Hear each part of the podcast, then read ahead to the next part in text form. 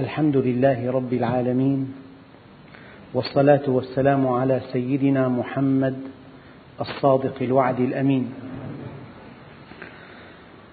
اللهم لا علم لنا إلا ما علمتنا إنك أنت العليم الحكيم. اللهم علمنا ما ينفعنا وانفعنا بما علمتنا وزدنا علما. وأرنا الحق حقا وارزقنا اتباعه. وأرنا الباطل باطلا وارزقنا اجتنابه. واجعلنا ممن يستمعون القول فيتبعون أحسنه. وأدخلنا برحمتك في عبادك الصالحين. أيها الإخوة الأكارم مع الدرس الرابع من سورة الصافات.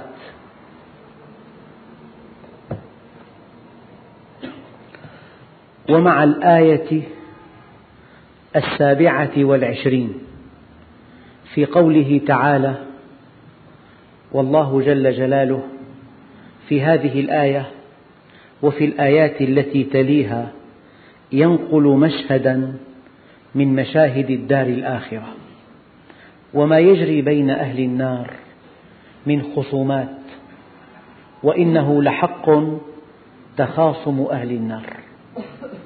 الحقيقة قد يسأل سائل لماذا يذكر الله لنا هذه المشاهد قبل أن تقع؟ أولا هو يعلم ما سيكون ولكن هذه المشاهد التي يصورها القرآن الكريم لنا من أجل أن نتعظ في الوقت المناسب. أما إذا رأيناها رأي العين وشاهدناها في وقتها لا قيمة لها. فالعبرة كلها أن تتعظ في الوقت المناسب. كنت أقول لكم دائما إن قضية الإيمان ليست على الشكل التالي تؤمن أو لا تؤمن. قضية الإيمان فقط متى تؤمن؟ لأنه لا بد من أن تؤمن. لا بد أكثر الكفار أعتى العتاة أفجر الفجار أشد الناس بعدا وانحرافا وكفرا وتيها وإنكارا وجحودا لا بد حينما يأتيهم الموت من أن يؤمنوا. ألم يقل فرعون آمنت بالذي آمنت به بنو إسرائيل؟ هل في الأرض أشد كفرا منه؟ قال أنا ربكم الأعلى. ما أرى لكم من إله غيري ومع ذلك حينما جاءه الموت قال آمنت بالذي آمنت به بنو إسرائيل. إذا القضية كلها قضية متى تؤمن؟ متى تؤمن؟ إما أن تؤمن في الوقت المناسب وإما أن تؤمن بعد فوات الأوان. لذلك ساق الله جل جلاله لنا هذا المشهد وهذا الحوار وتلك الخصومة التي تجري في النار وبين أصحاب النار.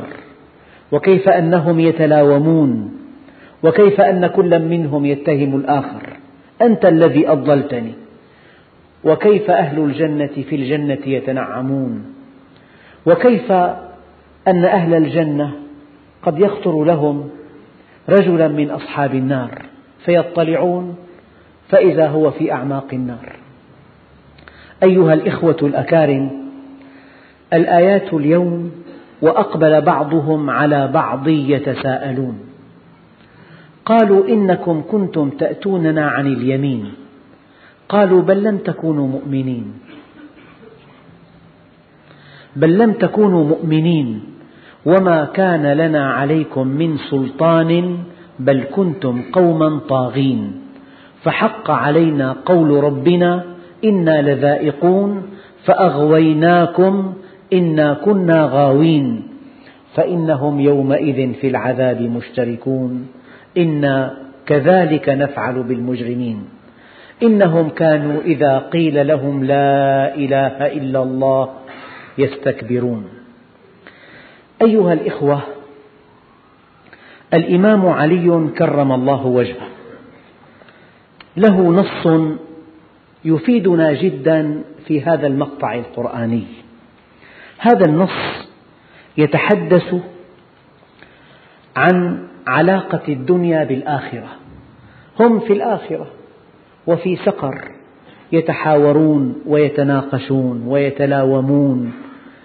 ولكن سيدنا عليا كرم الله وجهه يقول يقول إنه ليس شيء شر من الشر. ليس شيء شر من الشر. تصور أنواع الشر.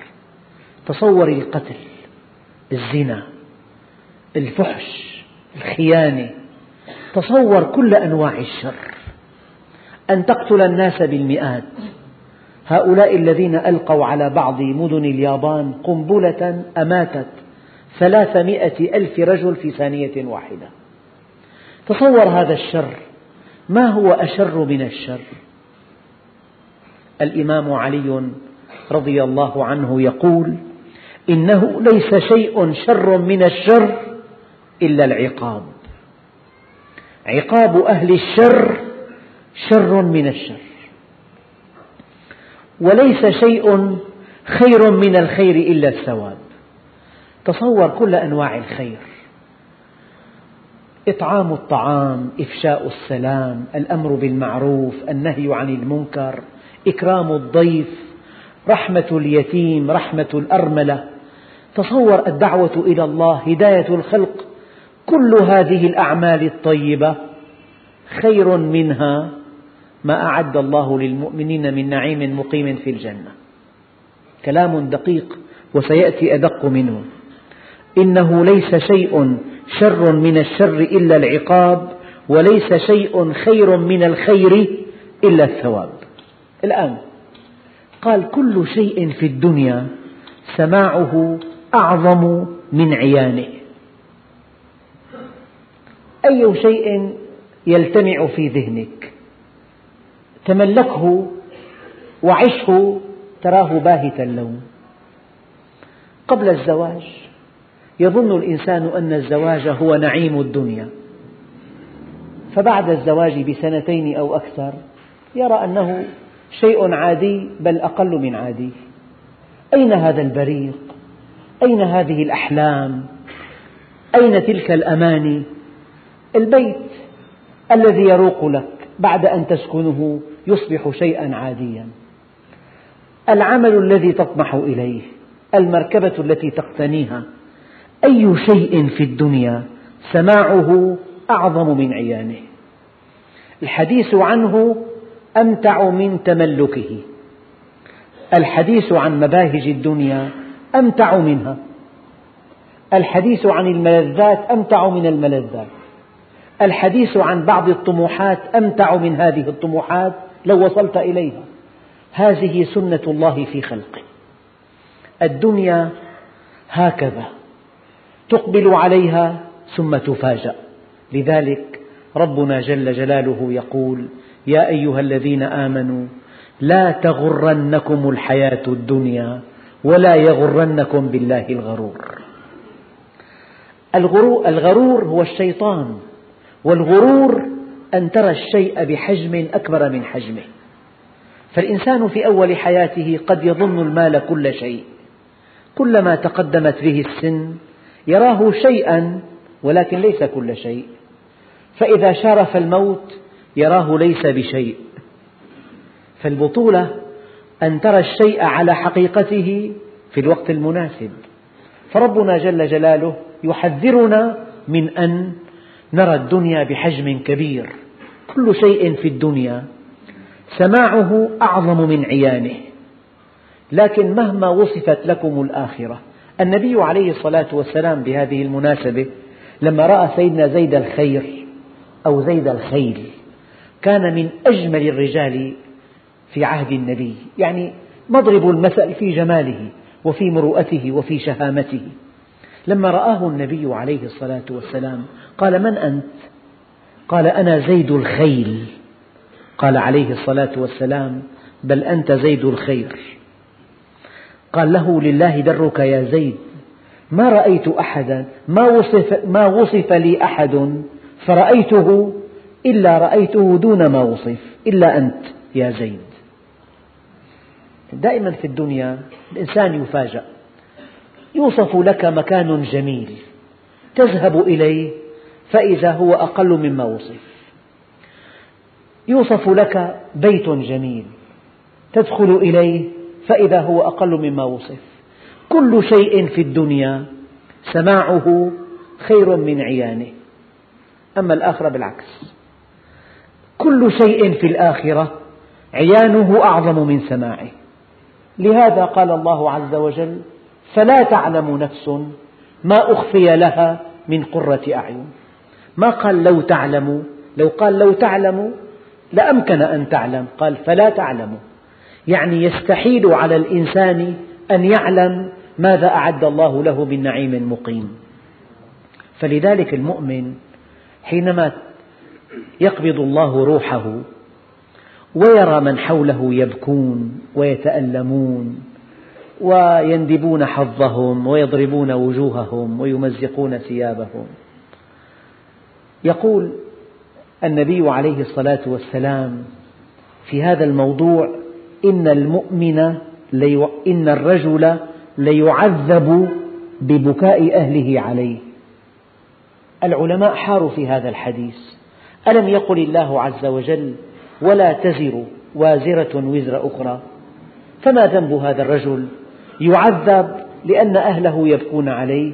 قال بعض شراح الحديث إن المؤمن إذا رأى مقامه في الجنة ورأى أهله يبكون يتألم لهم. هو في نعيم مقيم. هو في جنة عرضها السماوات والأرض. هو في مقعد صدق عند مليك مقتدر. لا خوف عليه ولا هو يحزن.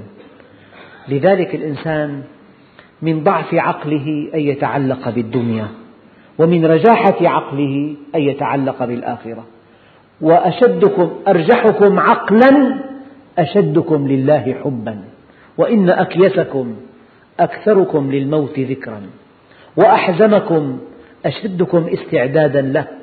ألا وإن من علامات العقل التجافي عن دار الغرور والإنابة إلى دار الخلود والتزود لسكن القبور والتأهب ليوم النشور. صحابي جليل تفقده النبي عقب معركة أحد فلم يجده. قال أين هو؟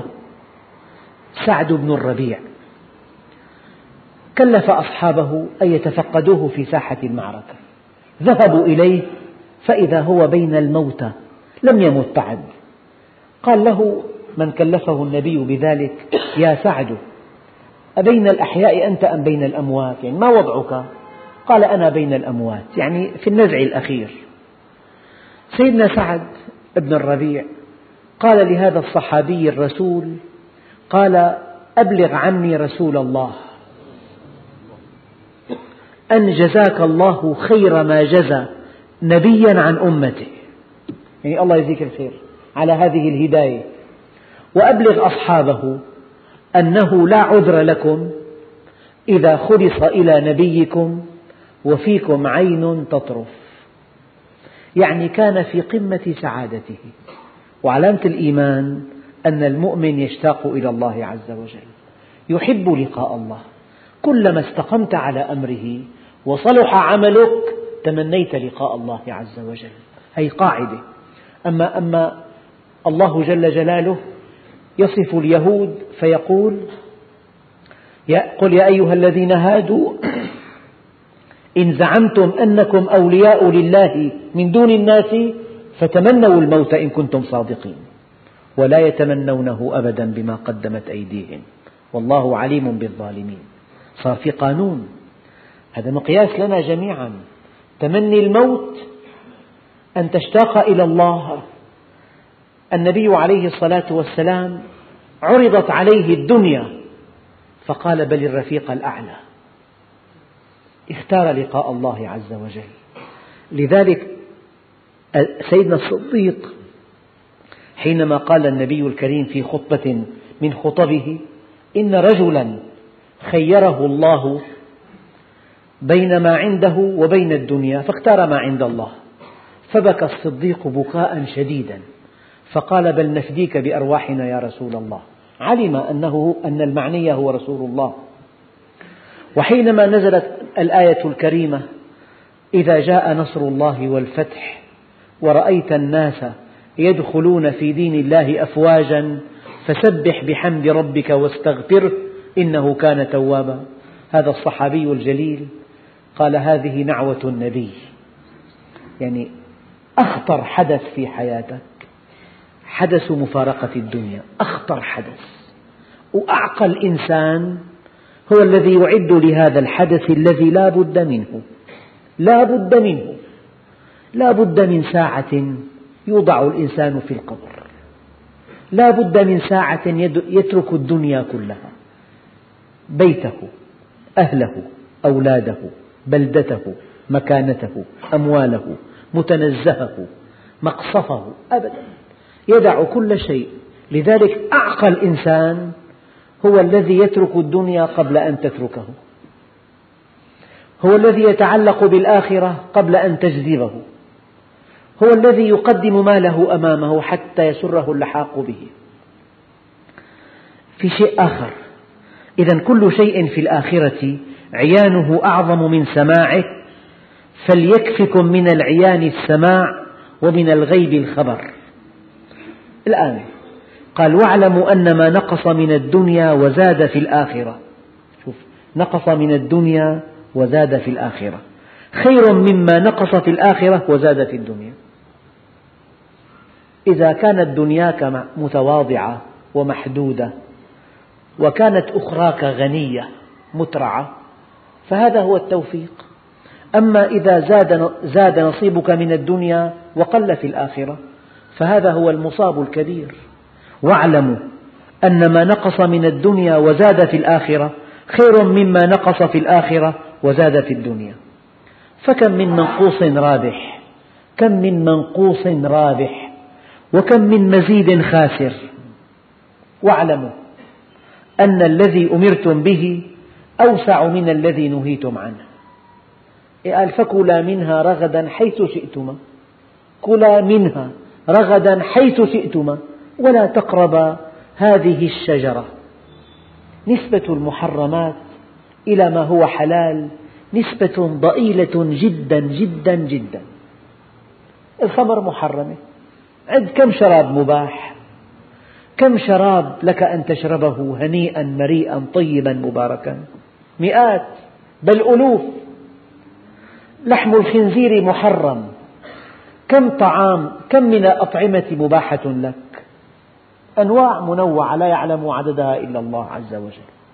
إذا واعلموا أن الذي أمرتم به أوسع من الذي نهيتم عنه وما أحل لكم أوسع مما حرم عليكم.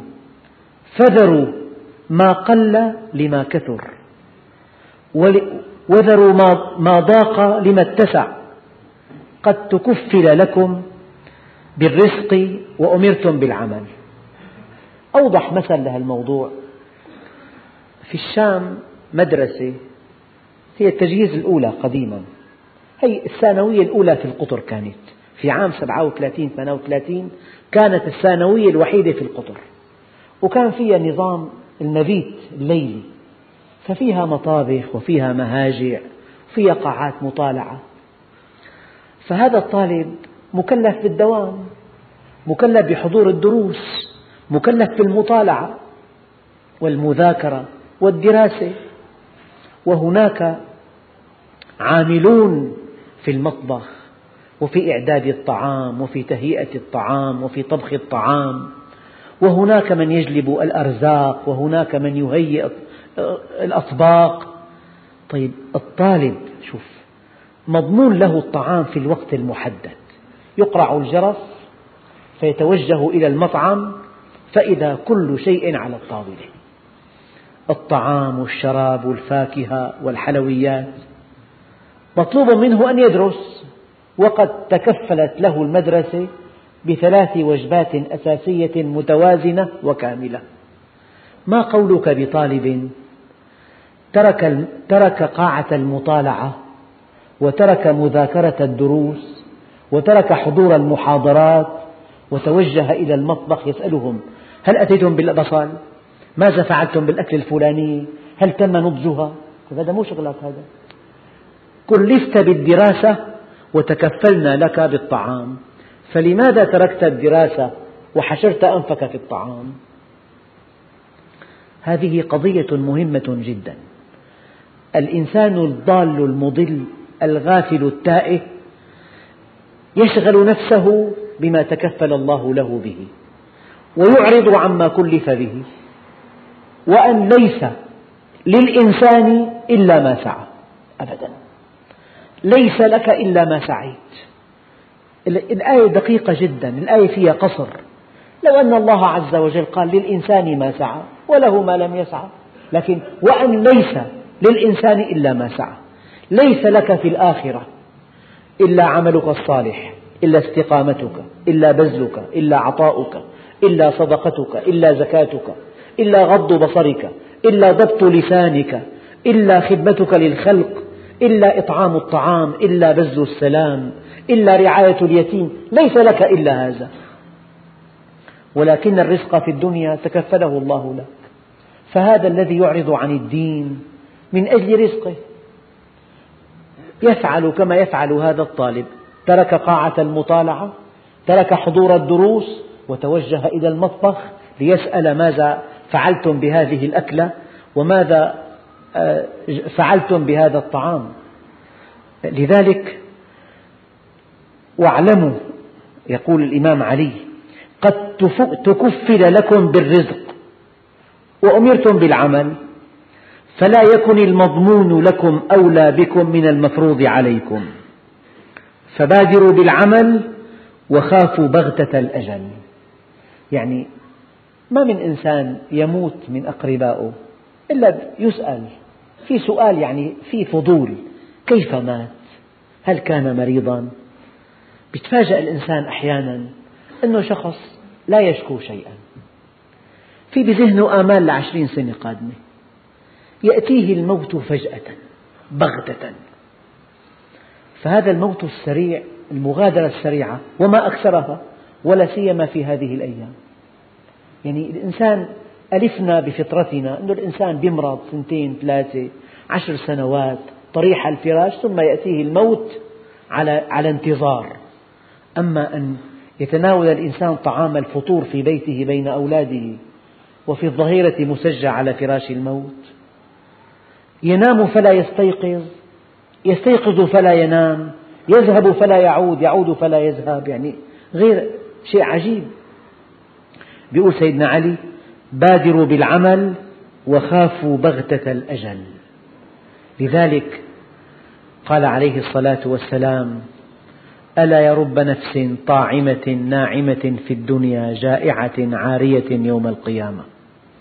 ألا يا رب نفس جائعة عارية في الدنيا طاعمة ناعمة يوم القيامة. ربنا عز وجل ماذا قال؟ قال تتجافى جنوبهم عن المضاجع. الآية فيها صورة صورة جميلة. يعني المؤمن لا يركن للدنيا. يعني المضجع مكان للراحة. لا يستريح لا يستريح إلا إذا أحس أن الله راض عنه. لا يستريح إلا إذا رأى عمله, عمله موافقا للشرع. لا يستريح إلا إذا صلى فرضي عن صلاته. لا يستريح إلا إذا ذكر فرضي عن ذكره. لا يستريح إلا إذا أكرمه الله بالعلم.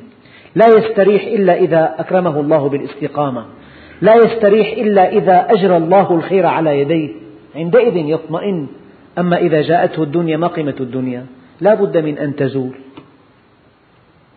سمعت عن رجل قبل أكثر من خمسة عشر عاما كان يملك قصرا في مدينة من مدن الشمال يزيد ثمنه عن خمسة وثلاثين مليون في قبل خمسة عشر عاما.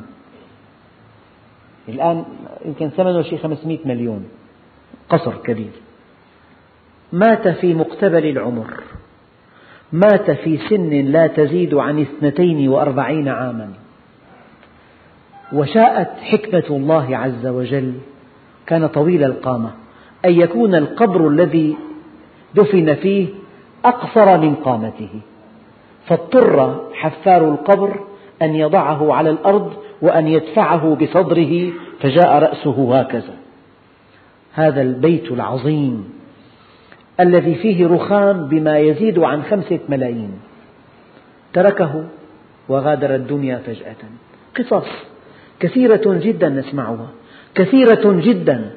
إنسان أعد كل شيء رتب كل شيء دقق في كل شيء ثم قال له ملك تفضل. الآن الآن الآن. لأنه إذا جاء أجلهم لا يستقدمون ساعة ولا يستأخرون. أجمل كلمة بادروا بالعمل وخافوا بغتة الأجل.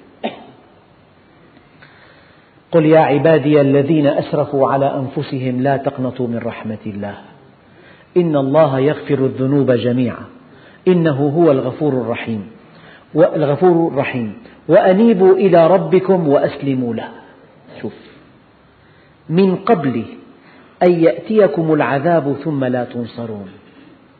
واتبعوا أحسن ما أنزل إليكم من ربكم من قبل أن يأتيكم العذاب بغتة وأنتم لا تشعرون أن تقول نفس يا حسرة على ما فرطت في جنب الله.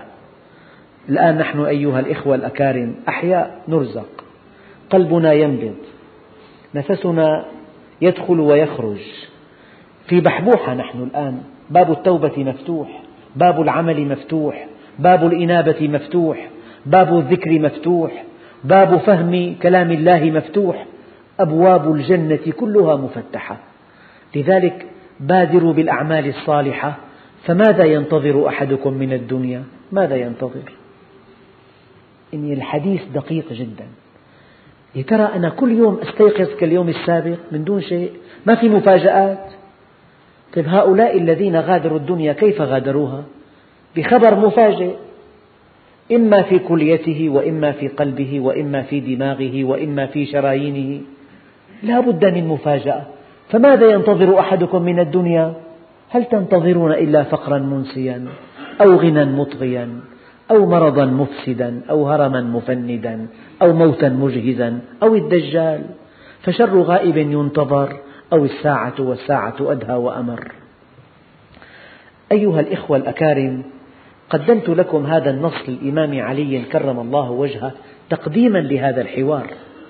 وأقبل بعضهم على بعض يتساءلون.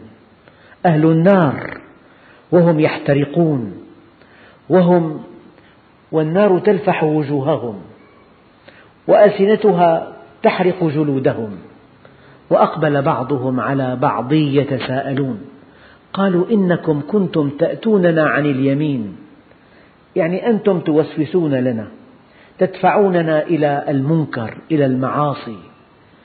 قالوا بل لم تكونوا مؤمنين. هذا شيء كلام مخيف. كلام مخيف. مفاده أن أحدا لا يستطيع أن يضل أحد. الذي في وهمنا أن فلان قد أضله الذي أضل كان عنده رغبة في الضلال. لولا هذه الرغبة لما سمح لأحد أن يضله. يعني الكلام هذا مفاده.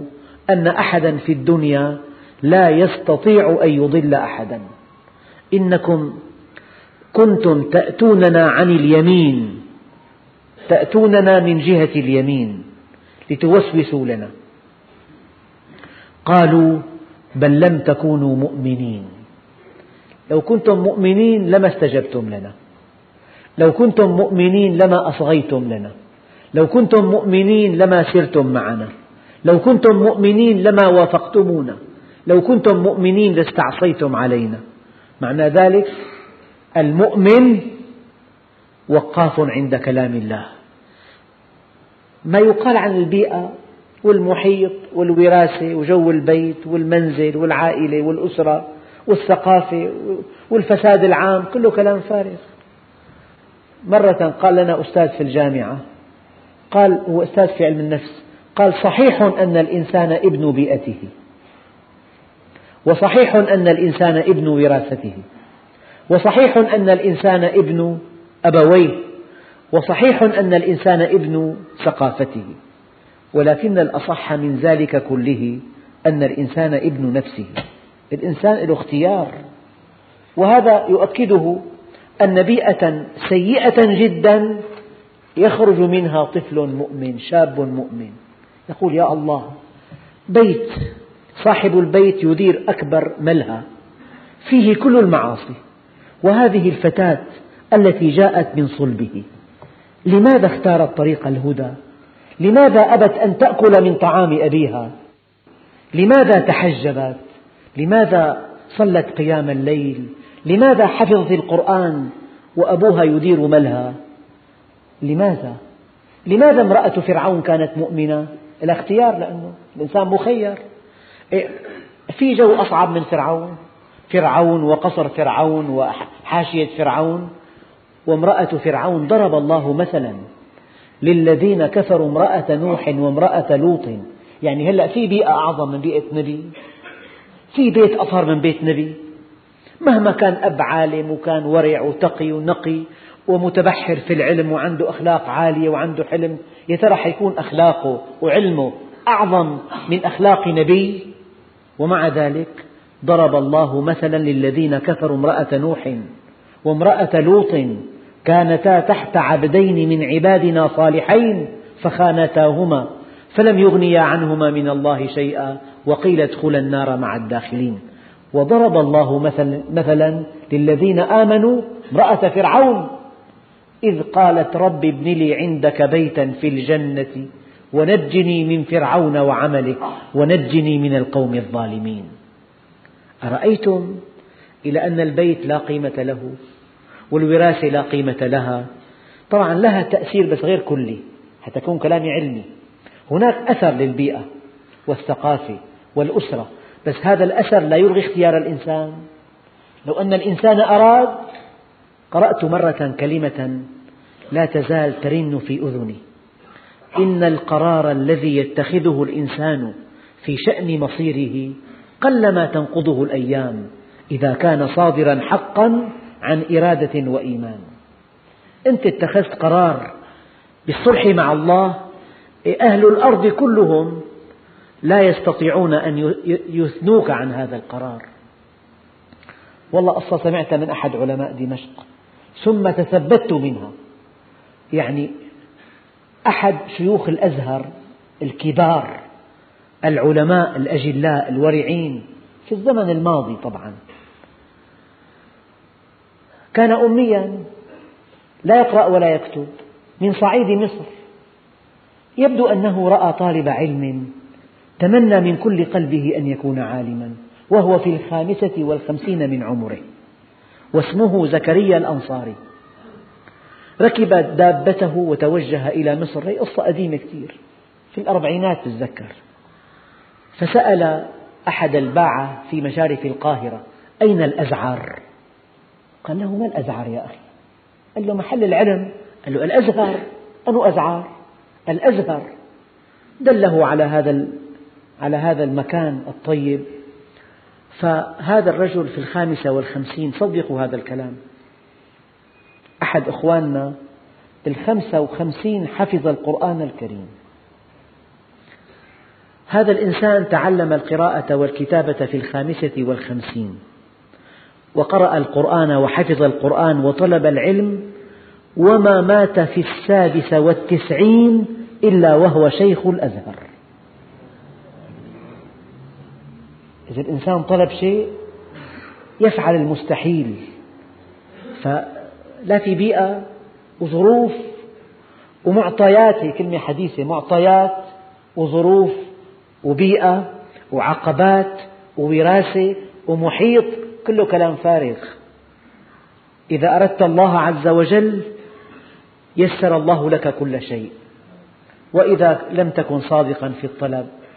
لهذا الله عز وجل لا يتعامل مع التمنيات أبدا. يا ترى بالقطر العربي السوري في طالب من طلاب الشهادة الثانوية لا يتمنى أن يكون الأول على القطر؟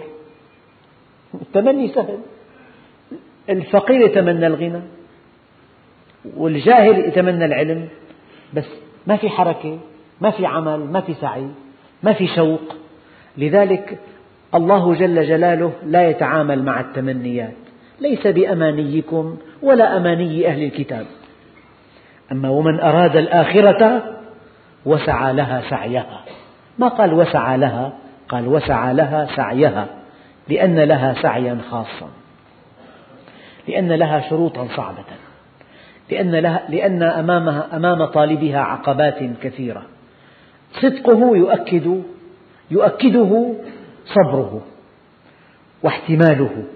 وإصراره وطلبه وإلحاحه أخلق بذي الصبر أن يحظى بحاجته ومدمن القرع للأبواب أن يلج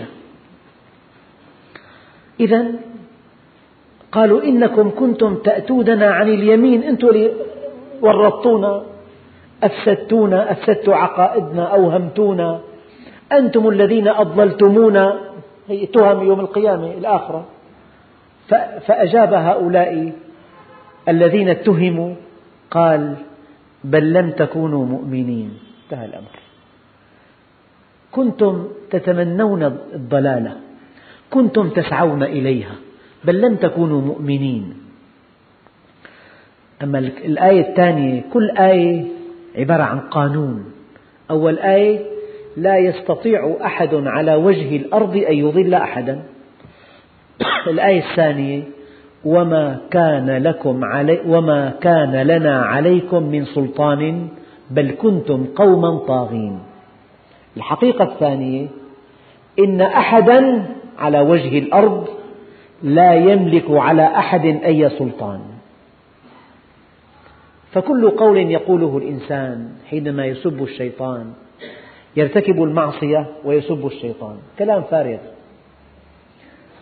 وقال الشيطان لما قضي الأمر إن الله وعدكم وعد الحق ووعدتكم فأخلفتكم. وما كان لي عليكم من سلطان إلا أن دعوتكم فاستجبتم لي. فلا تلوموني ولوموا أنفسكم. ما أنا بمصرخكم وما أنتم بمصرخي.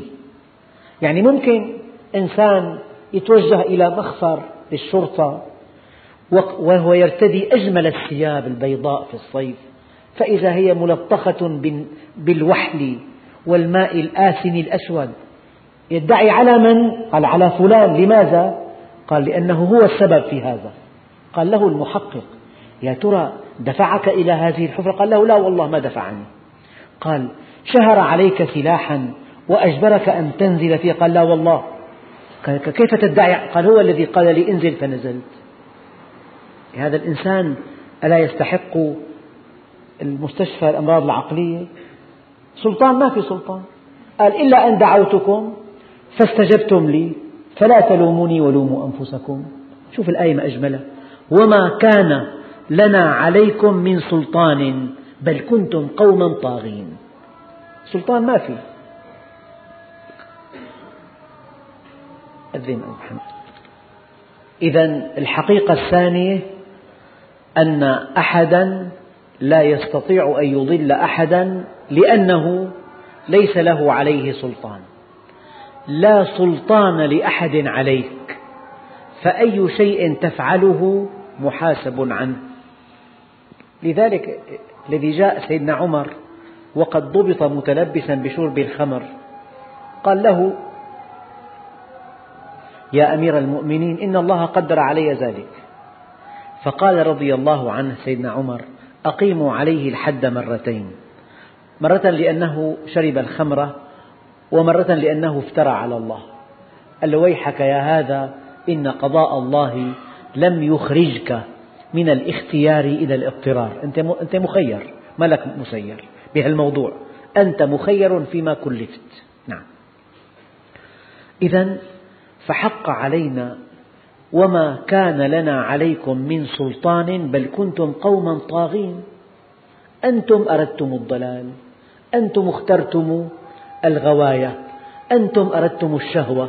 أنتم انحرفتم. لذلك شوف فلما زاغوا أزاغ الله قلوبهم. أي إضلال يعزى في القرآن إلى الله عز وجل فيما يبدو؟ المفسرون أجمعوا على أن هذا الإضلال هو الإضلال الجزائي المبني على الضلال الاختياري. إذا قلت الله أضلهم بمعنى أنهم اختاروا الضلالة فساروا في طريقها بموافقة من الله عز وجل. يعني الإضلال إذا عزي إلى الله فهو الإضلال الجزائي المبني على الضلال الاختياري استنباطا من قول الله عز وجل فلما زاغوا أزاغ الله قلوبهم الآن فحق علينا قول ربنا. وعيده. حق علينا وعيده. إنا لذائقون. واحد سأل النبي الكريم قال له عظني ولا تطل لا طول علي. فالنبي اختصر له إياها. قال له قل آمنت بالله ثم استقم. فقال له أريد أخف من ذلك ثقيلة علي. فقال عليه الصلاة والسلام شوف الجواب إذا فاستعد للبلاء. إذا كانت ثقيلة عليك إلقى. وكل إنسان وجد في الاستقامة شيء صعب الأصعب من الاستقامة تحمل البلاء تحمل التأديب الإلهي تحمل المعالجة تحمل المصائب. فإن لم تستقم على أمر الله فاستعد للبلاء. أحيانا على المستوى الصحي يجي طبيب يلقي محاضرة عن آثار التدخين وعلاقة الدخان بالجلطة وعلاقة الدخان بضيق الشريان التاجي وعلاقة الدخان بتكوين مثلا المادة التي تسبب بتجمد الدم وعلاقة الدخان بسرطان الرئة وعلاقة الدخان بسرطان البلعوم وعلاقة الدخان بضيق الأوردة والشرايين وهذا الإنسان لا يبالي آثر لذة الدخان على أخطاره. فحينما تأتي المصائب حينما يصاب بآفات في أجهزته الدموية والتنفسية وحينما يدفع الثمن باهظا عندئذ يندم ولا تساعة مندم أي لا تنفع وليست الساعة ساعة ندم. ماذا يجدي؟ قال له أريد أخف من ذلك. فقال إذا فاستعد للبلاء. فهون فحق علينا قول ربنا إنا لذائقون. قال فأغويناكم إنا كنا غاوين. مو نحن كنا مهتدين وأضللناكم لا كنا غاوين مثلكم. نحن لم نكن مهتدين نحن قلنا لكم ما كنا نتوهمه من باطل فإذا هو باطل. كنا نحن قوما طاغين ومنحرفين فأغويناكم إنا كنا غاوين. قال فإنهم يومئذ في العذاب مشتركون.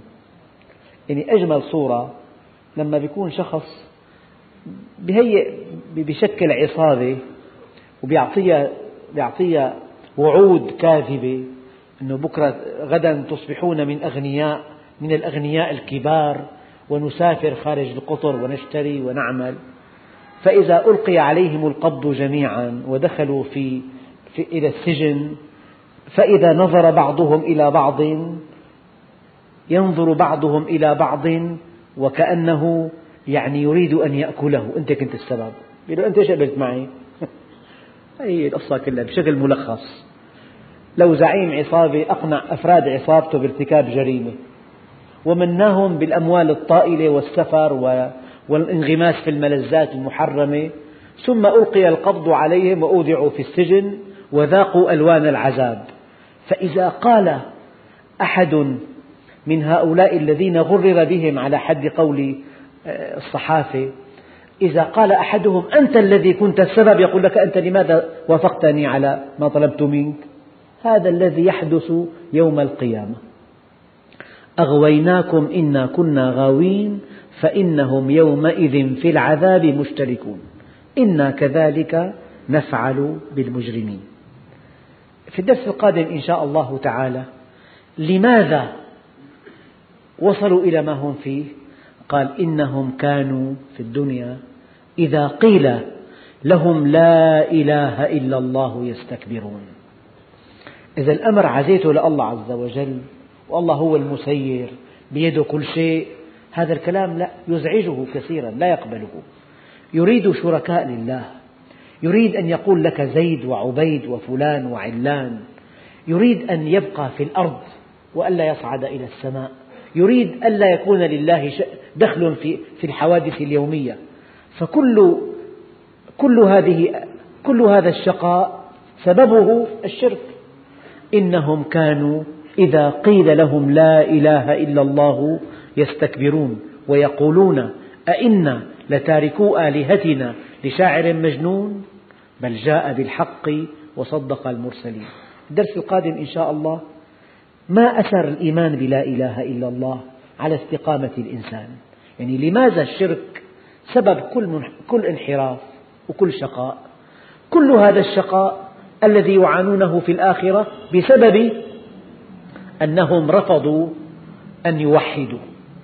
بقوا في الشرك والشرك كان سببا فيما هم فيه من عذاب مقيم والحمد لله رب العالمين.